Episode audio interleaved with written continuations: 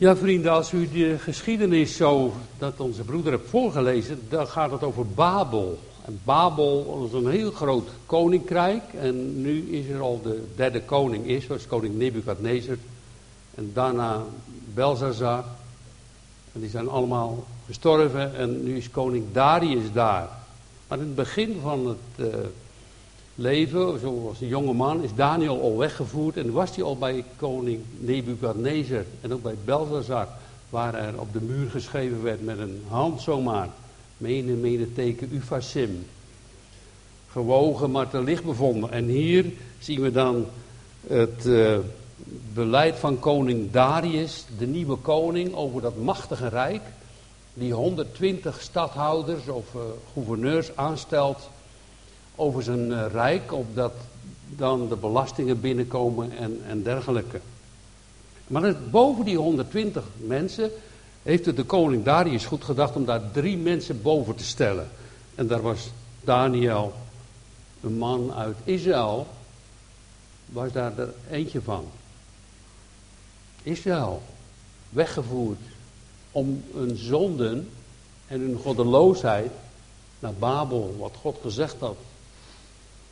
Ik dacht vanmorgen zo in de auto, de Jezus zei toen, toen hij aan die waterput was in Samaria, um, toen zei hij tegen die vrouw,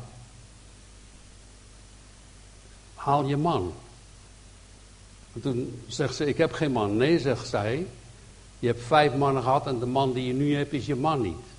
Toen dacht ik daaraan, ik denk, hé, hey, in Israël is het zo dat als je, daar staat het woord afhoereren, dat God als het ware hun man is. En als ze een andere God dienen, dat ze dan eigenlijk afhoereren. En hoeveel afgoden hadden ze niet? Houten, stenen, de God die hen verlost had uit, uh, uit Egypte, verlost had van de Filistijnen, zo vaak verlost had voor allerlei dingen. Jericho was ingestort, het land veroverd, de belofte vervuld. En dan wijken ze af in goddeloosheden. En de profeet Jeremia heeft het verkondigd en gezegd: Als jullie zo door blijven gaan, dan worden jullie allemaal weggevoerd. Gedetineerd, weggevoerd naar Babel. Nou, dat is gebeurd. En Daniel was ook meegegaan, één uit Juda. Zo'n koningsprins. Uit het geslacht van Juda. Daniel. Daniel, zoals u dan kan lezen, die eh, wilde de, het voedsel van de koning niet eten. En Daniel was zeer voortreffelijke man geworden. En hier in dit gedeelte is hij al 90 jaar oud geworden, zo'n beetje. Zo ongeveer 90 jaar oud. En, en dan bad Daniel. En ons thema is dat het gaat over een aanval op het gebed. En toen Daniel, die Joodse man uit Juda, die voor die 120 stadhouders de boeken na ging kijken en ging controleren en ging, hé, hey, ja, dit klopt niet, je hebt fraude gepleegd. En dan, dan werd het gecorrigeerd en ze gingen dus die Daniel haten, want ze wilden hun eigen zakken ook vullen. Die 120 mensen, die konden niet uitstaan dat uh, een Joodse man daar aan een bewind kwam en dat hij dadelijk onderkoning zou worden, want hij had een voortreffelijke geest.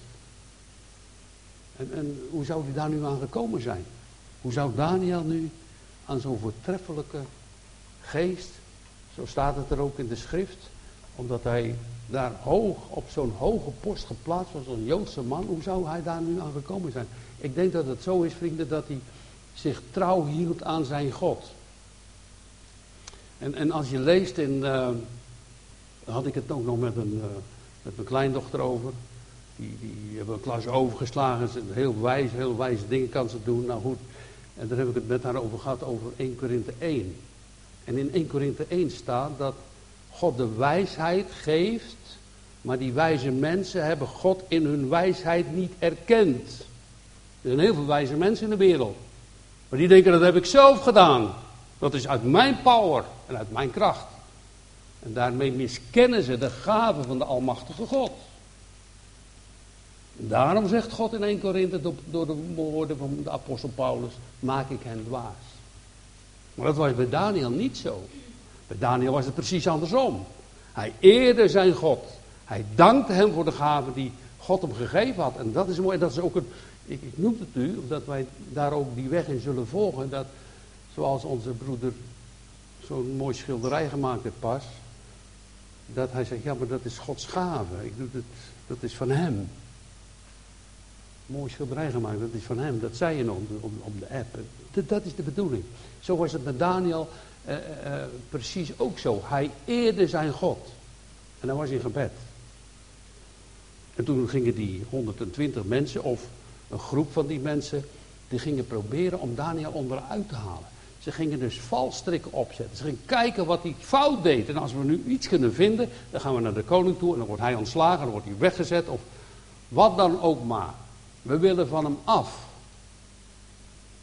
Nou, terwijl heel veel mensen willen van christenen af. Als je dan zo'n site leest, dat in Egypte de islam bezig is om die kerken te verbranden en christenen uit te roeien. En op zoveel plaatsen gebeurt dat ook. Dan vergeten die mensen dat juist die christenen bidden tot God, de levende God die wij beleiden, die echt bestaat. Geen doden. Tot behoud juist van heel de wereld en van zielen. En tot redding. En juist die mensen worden aangevallen. Er is dus een grote aanval op het gebed. Maar hier beginnen ze eerst te kijken, kunnen we Daniel op de een of andere manier uitschakelen. Dat is niet gelukt. Daniel, zo staat er, dat is hier voorgelezen, was een voortreffelijke man. Hij had Gods geest en deed geen fouten. Bijzonder. Wellicht heb je een foutje ergens gemaakt. Maar ze konden niets vinden. Toen zeiden ze tegen elkaar, dan moeten we hem zoeken in de dienst van zijn God. Wat doet die man? Ze hebben hem bespioneerd. Oh wacht, zie je, hij, hij, hij doet de ramen open naar richting Jeruzalem en hij bidt drie keer per dag. Nu gaan we een list verzinnen. Koningin Darius, die gaan we dus op een mooie punt, een mooi punt met hem maken, dat hij dus eh, zich vereerd voelt. En een wet uit laat schrijven, de wet van de Mede en de Perzen. Heb u misschien wel eens van gehoord. Nou, die wet van Mede en Perzen, dat, dat mag, je dus niet veranderen. Als de koning zijn stempel erop gezet had, de wet van Mede en Perzen mag niet veranderd worden. Nou, dat wisten ze wel. Ze gaan naar de koning toe. Koning, wij hebben een plan gemaakt dat in 30 dagen dat niemand uit uw koninkrijk een verzoek mag doen tot welke god dan ook of tot andere mensen. Een beetje vreemd iets, vindt u niet? Een verzoek mag doen. Dus, ja, je mag dan ook niet bidden. De koning die ondertekent het met zijn naam. De wet van de mede en de persen. En zo gaat het bevel uit. En Daniel hoort ervan. En Daniel die 30 dagen niet bidden. Ze hadden gedacht, nou misschien stelt hij dat nog wel uit, of wordt hij bang, of wat gaat hij doen? En wij kijken er ook zo even tegenaan dat Daniel nu, als hij toch zal gaan bidden, in de leeuwenkuil geworpen wordt. Daniel, wat ga je doen? Als jij gaat bidden, dan ben je je baan kwijt. Als je gaat bidden, ben je geld kwijt. Als je gaat bidden, dan ben je je huis kwijt. En als je gaat bidden, ben je je leven kwijt. Stel je voor dat die vraag ons gesteld zou worden. Als u zou gaan bidden, en dat komt voor nu nog in de wereld, hè. De verdrukte kerk. Als jullie je God aanroepen, zou nou, dan ga ik heel stil bidden. Kan niemand zien. Kan niemand zien dat ik bid. En dan, uh, maar dat doet Daniel niet. Hij gaat naar zijn huis. Hij opent de vensters. Hij bidt tot zijn God. Wat zou Daniel gebeden hebben? Ik heb het even verder eh, opgezocht. Zou u thuis kunnen lezen. Dan lees u Daniel 9, hoe hij bidt. Hij doet beleidenis van zijn zonde. Je moet rekenen dat hij in Babel is. Hij is verstoten. Hij is niet bij de dienst van God. Hij kan niet naar de tempel. De tempel is trouwens al verwoest. Hij gelooft in zijn God. Hij gelooft in het woord van zijn God. In de belofte van zijn God. En Hij pleit tot zijn God. Want Jeremia, de profeet, in die tijd, toen ze weggevoerd waren, had een woord van God aan het volk meegegeven. Jullie zullen 70 jaar in Babel verblijven. En dan kom ik en ik zal jullie daaruit verlossen.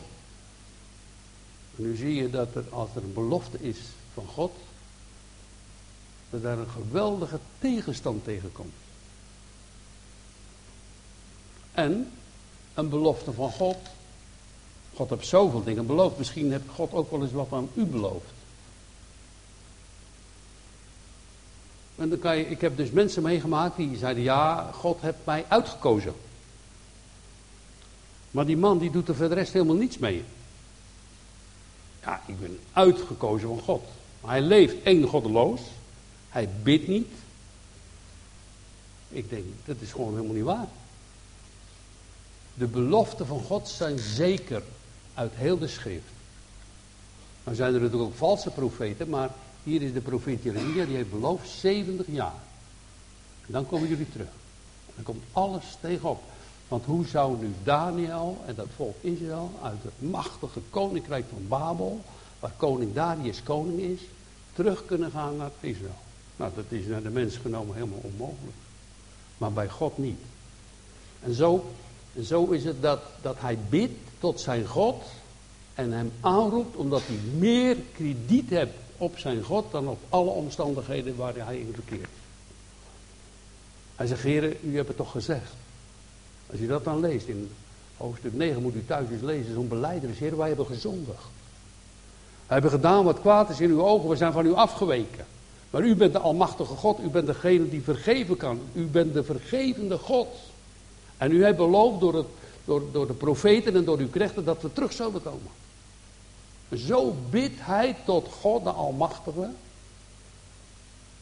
Is, is, dat, is dat een nadeel voor Babel? Is dat een nadeel voor de wereld? Nee. Want als hij bidt dat hij terug mag komen in Israël, betekent ook dat de Heer Jezus daar geboren wordt. De Heer Jezus is de heiland van heel de wereld geworden. En van alle mensen. U ziet wel wat een boze machten er zijn. Die, die 120 mensen en welke mensen die daaronder verkeerden en die dan naar de koning gingen. De aantallen staan er niet bij, of ze alle 120 waren heb ik niet uitgezocht. Maar in ieder geval, die groep mensen die daar waren, hem wilden uitschakelen. Willen niet alleen Daniel uitschakelen, maar die maken ook nog een verbond tegen de koning. Want de koning, dat blijkt wel, had die Daniel lief. En had hem op een hoge post gezet en vereerde hem. Niet zomaar. Had hem op een hoge plaats gezet. Dus ze hebben zich opgemaakt tegen Daniel. Ook tegen de koning, misschien wetend of onwetend. Maar het meest nog tegen God, de Almachtige. Zo zijn er mensen in de wereld die de gebeden willen laten stoppen. En wij, hoe is het met u en met ons?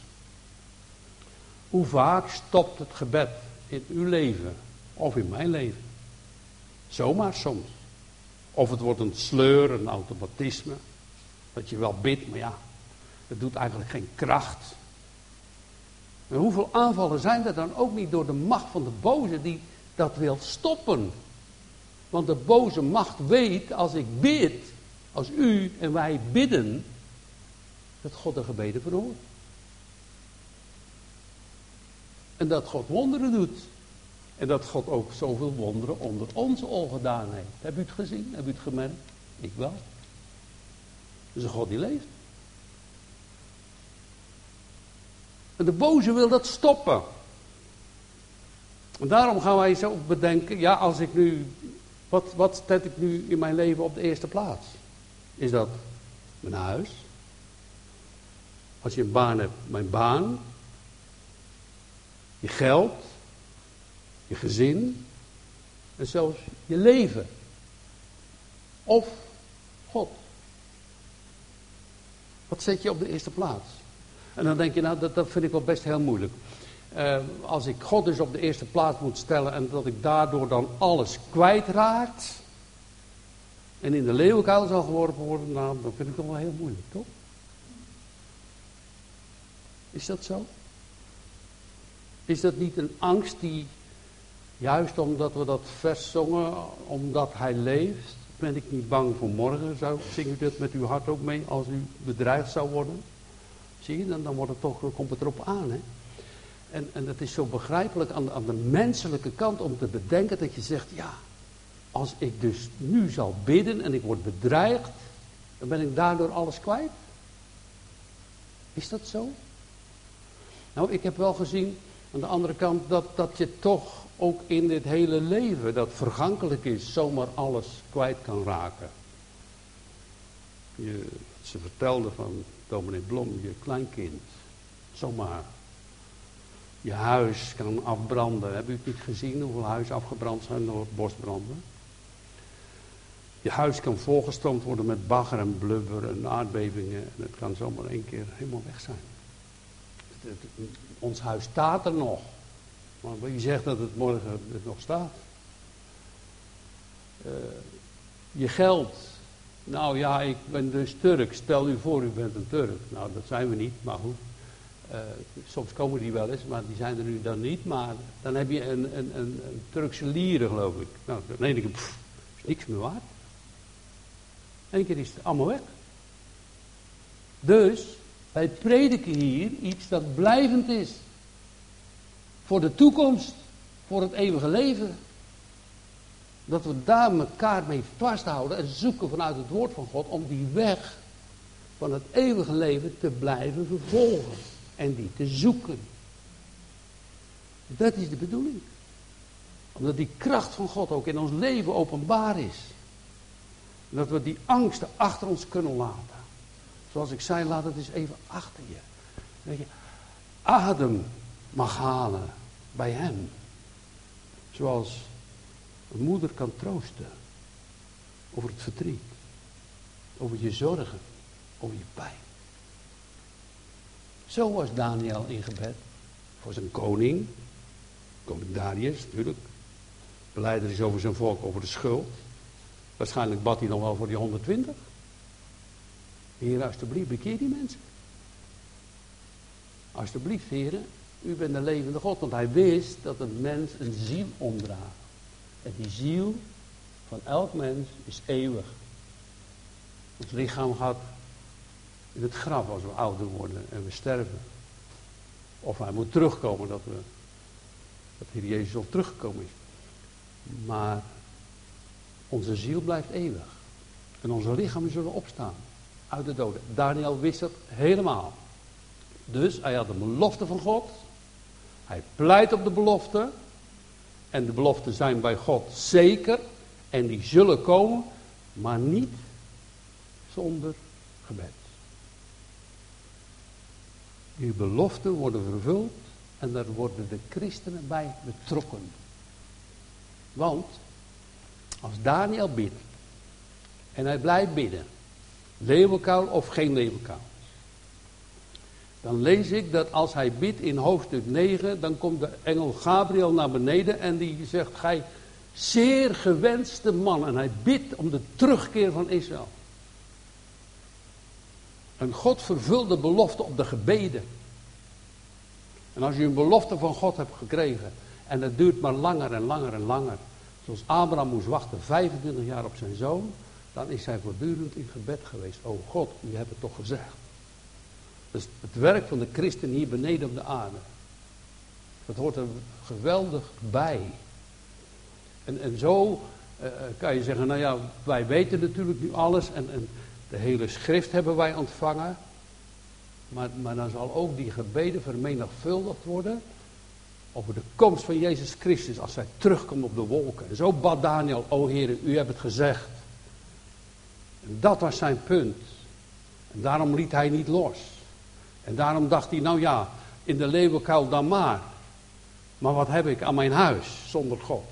Wat heb ik aan mijn geld zonder God? Wat heb ik aan mijn gezin en mijn leven zonder God? Je gaat dood als je geestelijk leven ontvangen hebt. Je gaat werkelijk dood. Je bent werkelijk uitgeschakeld. Uh, je voelt de pijn in je hart. Als God bij je geweken is. U niet? Heb je nooit ervaren? Ik wel.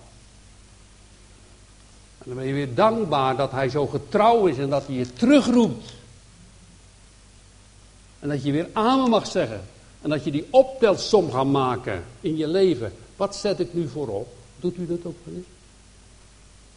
Wat zet ik nu voorop? Mijn huis? Mijn spel? Noemt u maar op. Mijn geld? Mijn leven? Jezus zegt iets over het leven. Die zijn leven zou willen behouden, die verliest het. Maar die zijn leven zou willen verliezen om mij het wil, die zal het behouden. Dus een paradox. Maar het is wel zo. En daarom heb je geestelijk antennen nodig om die dingen te gaan leren verstaan. Nou, ze zijn naar de koning gegaan toen ze Daniel hadden bespioneerd. Koning, weet je wat er gebeurd is? Die Daniel, die Joodse man uit Juda, verachtelijke naam geven ze hem al.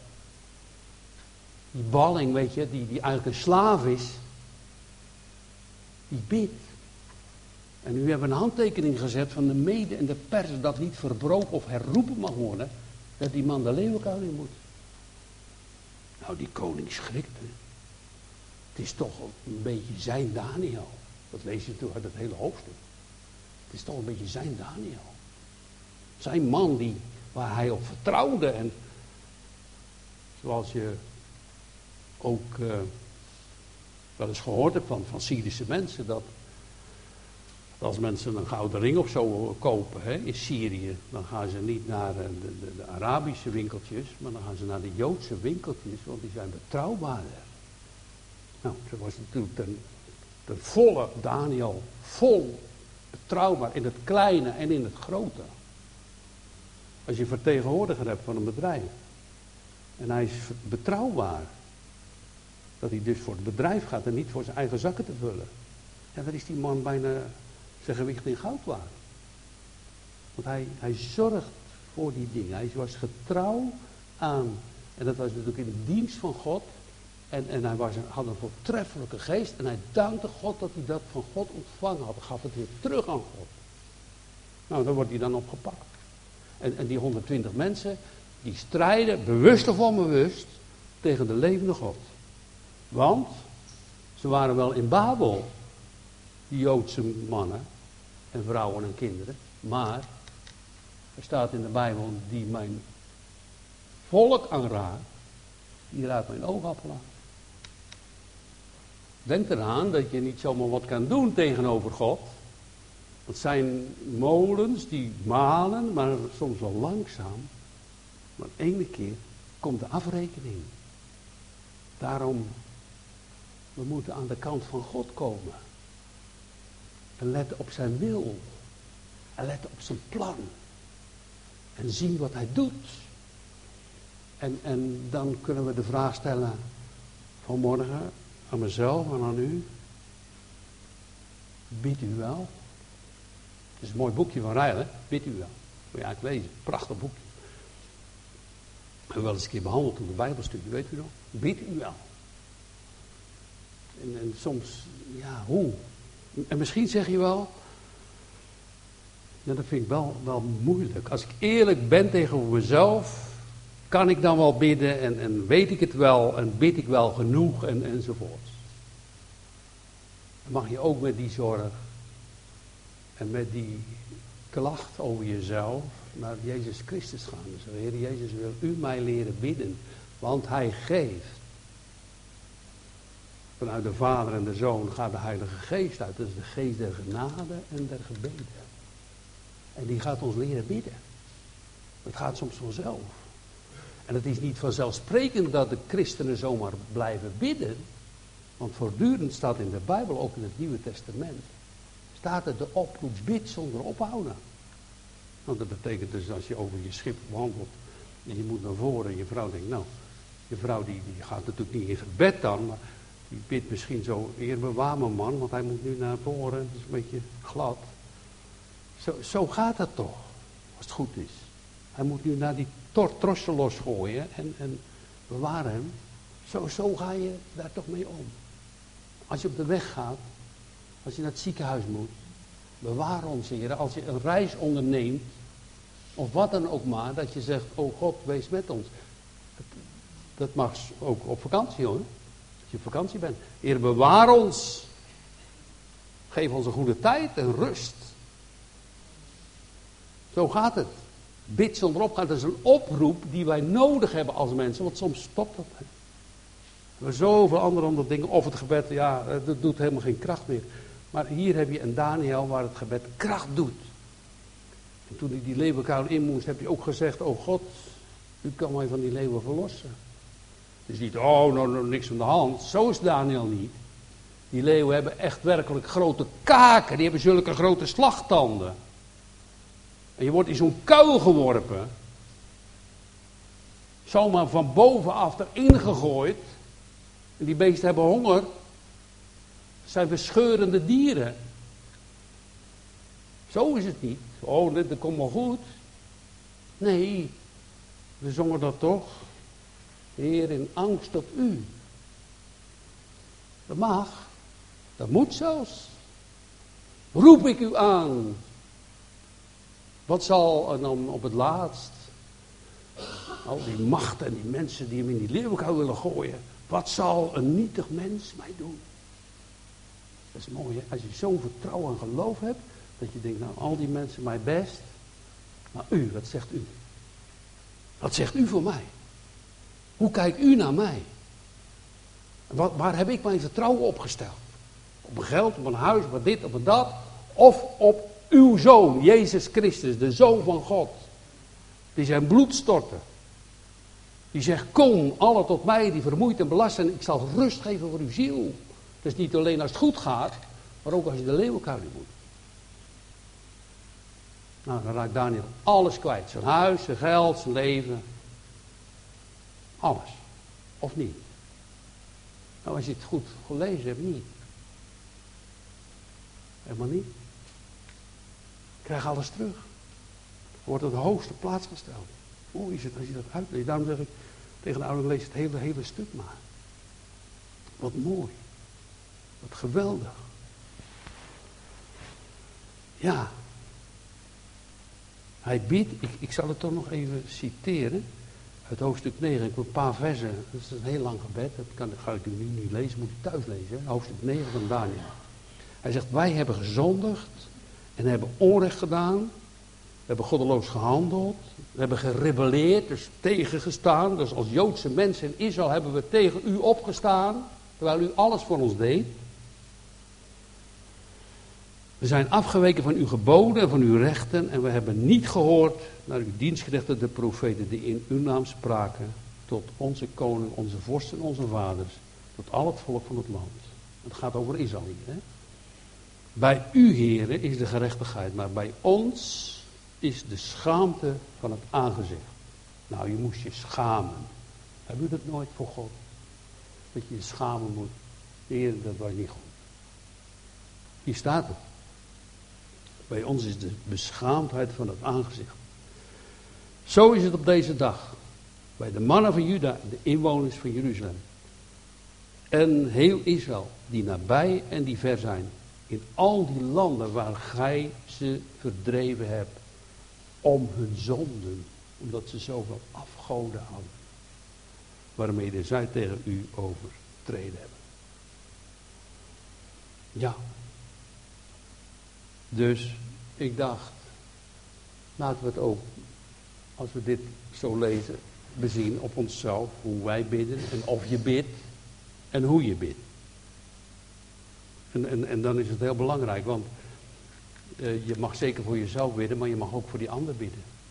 Je mag ook voor het land en het volk en, je familie en de buren en, en, enzovoorts. Je mag zoveel mensen, je moeder bijvoorbeeld in Roemenië, je, mag zoveel mensen uh, uh, voor Gods troon brengen. Om, om, om hem aan te roepen en het van hem te verwachten. Heren, ik kan die mensen niet helpen, maar u wel. Ik, ik, kan, ik kan het verdriet bij die vrouw en bij die man niet wegnemen, maar dat kan u wel. Daar vertrouw ik op dat u dat doen zal. Daar hoop ik op dat u het doen zal. Heren, uh, uh, u hebt gezegd dat u terugkomt. En, en, dan lees je aan het eind van, van, van de Bijbel dat er staat dat. Kom haastelijk, Heer Jezus, kom. Kom terug. Er zullen duizenden mensen gaan roepen. Omdat die belofte van God vervuld wordt. En, en zo gaat Daniel, die de leeuwenkuil in moet, en waar die mannen naar die koning gaan,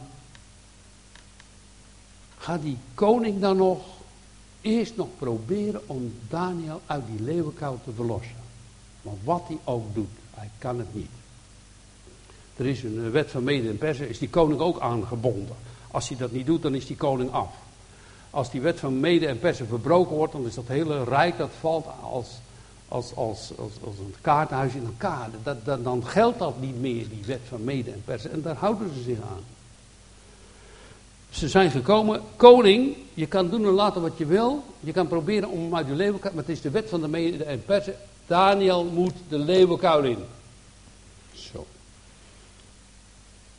Nou, ze hadden 30 dagen gesteld. 30 dagen. Nou, Daniel heeft geen dag overgeslagen om zijn God aan te roepen. Elke dag opnieuw. Hij bad al drie keer per dag.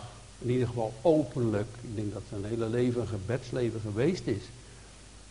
En dat hebben ze gezien. En er was geen 30 dagen voor nodig. Eigenlijk een, schande om 30 dagen te stellen voor Daniel. Want hij heeft voortdurend gebeden. En, en, en engel Gabriel die geweldige krachten moest uitoefenen om bij Daniel te komen als u dat leest. Hè? Er waren grote boosheden en machten in de lucht. Om hem tegen te houden, die profeet Daniel. Of die, die, die, engel Gabriel bedoel. En, en die komt bij Daniel en zegt, gij zeer uh, uh, gewenste man van God. De boodschap krijg jij, je bent zeer gewenst. Zou, zou u dat ook, ook willen zijn, een zeer gewenste vrouw of man? Dan kan dat toch niet zonder gebed. Dat is heel je leven een gebed. En dan bid je naar zijn wil. Dan ga je zoeken naar zijn plan. Dan ga je kijken, wat wil u dat ik doen zal? Wat, Heer, vervult uw belofte. Wat wil God dat we dat gaan doen? Als je een belofte gekregen hebt van God dat je hem als het ware aan zijn jas trekt. Heer, u hebt het gezegd. Dat is een moeilijk punt hoor. Naar de omstandigheden zie je niks. Maar u hebt het gezegd, 70 jaar. En het komt bij God uit. En die jaartellingen, en, die gedachten over de jaartellingen in de wereld, die worden altijd maar gemanipuleerd, veranderd. Omdat het woord van God er niet gedaan wordt. Maar het komt precies uit hoe hij het gezegd heeft. Het komt precies uit wat God wil en wat hij doet. Hij belacht de volken. En daarom wordt Daniel door die mensen in de leeuwenkuil geworpen. Maar God doet die muilen van de leeuwen dicht. Weet je wat heel apart is? Uh, er komt ook een steen op. Het is hij wordt als het ware in een graf gegooid. Hè? Steen erop, een zegel van de koningsring erop. Zoals de Heer Jezus in het graf gegaan. Die was wel echt gestorven. Er kwam ook een grote steen op. Maar wie zou, toen zeiden die vrouwen, die wilden gaan kijken bij dat graf. En toen zeiden die vrouwen, wie zou die grote steen dan over af kunnen leggen? Maar dat is helemaal niet nodig. God die zegt, na drie dagen zal ik opstaan. En hij staat op. Steen of geen steen. Muur of geen muur. Hij gaat dadelijk zomaar naar binnen zonder deuren. Als hij opgestaan is uit de dood. Dat is onze koning, dat is onze Jezus. En, en, en, en ik geloof dat met God mag je hier ook leven. Mag je hier alles hebben wat je hebt. Hoef je echt niet weg te doen. Hij zorgt ervoor, dat is ook uit zijn milde hand. Wat de duivel ook maar zegt, wat de wereld ook. De duivel en de wereld en al die machten willen ons voortdurend maar bang maken. Van als we die God aanroepen, die juist ons zegent en alles geeft, dat we die zullen gaan verloochenen. Ziet u wat een aanval in je hart er kan zijn, of mensen rond je heen.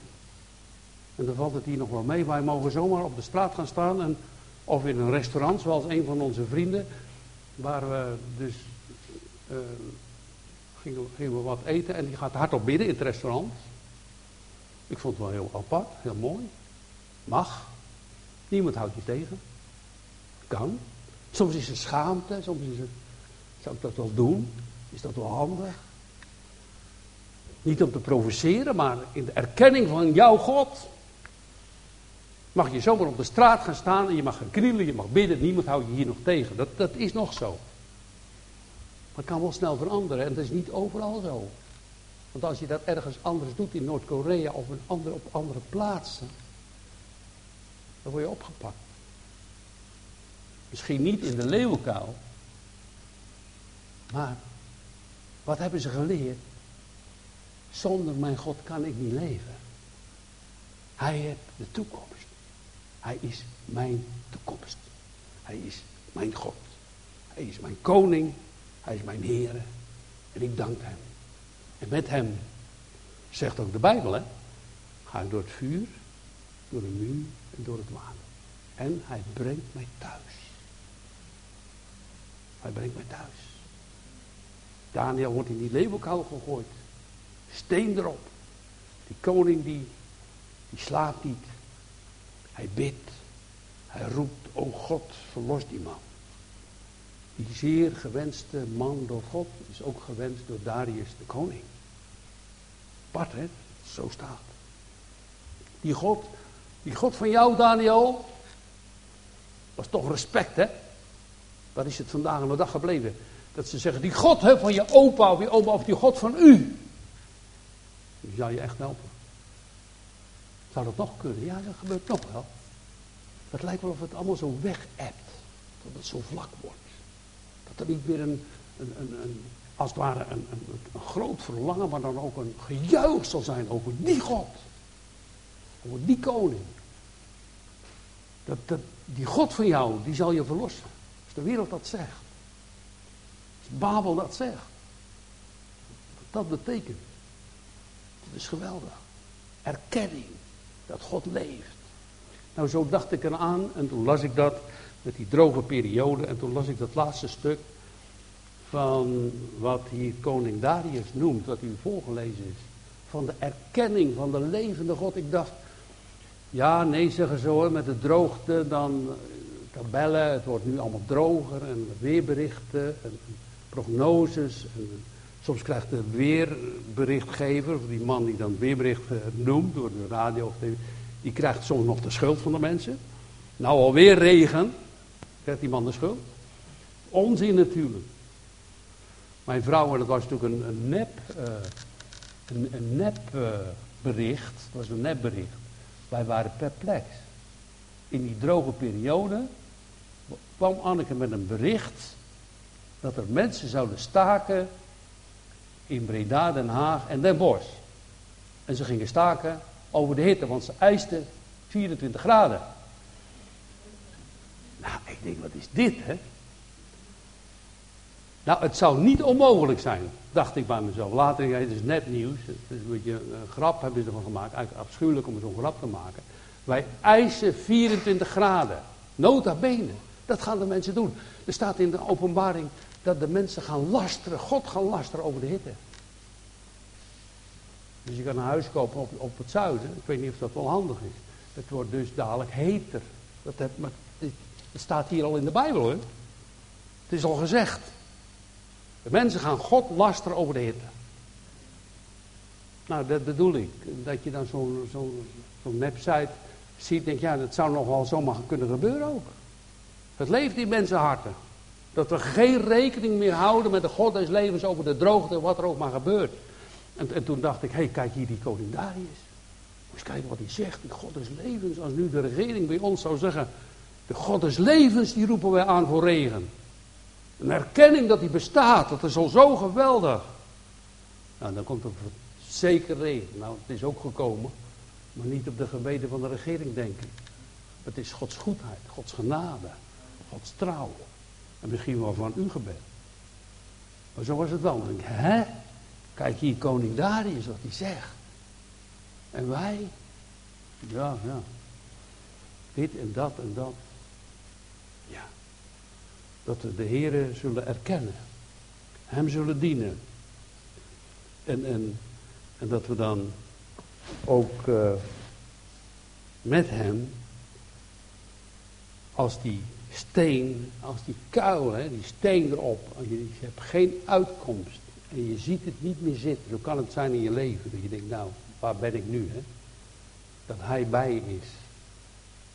In voor- en tegenspoed. Hopend op uw God. Amen.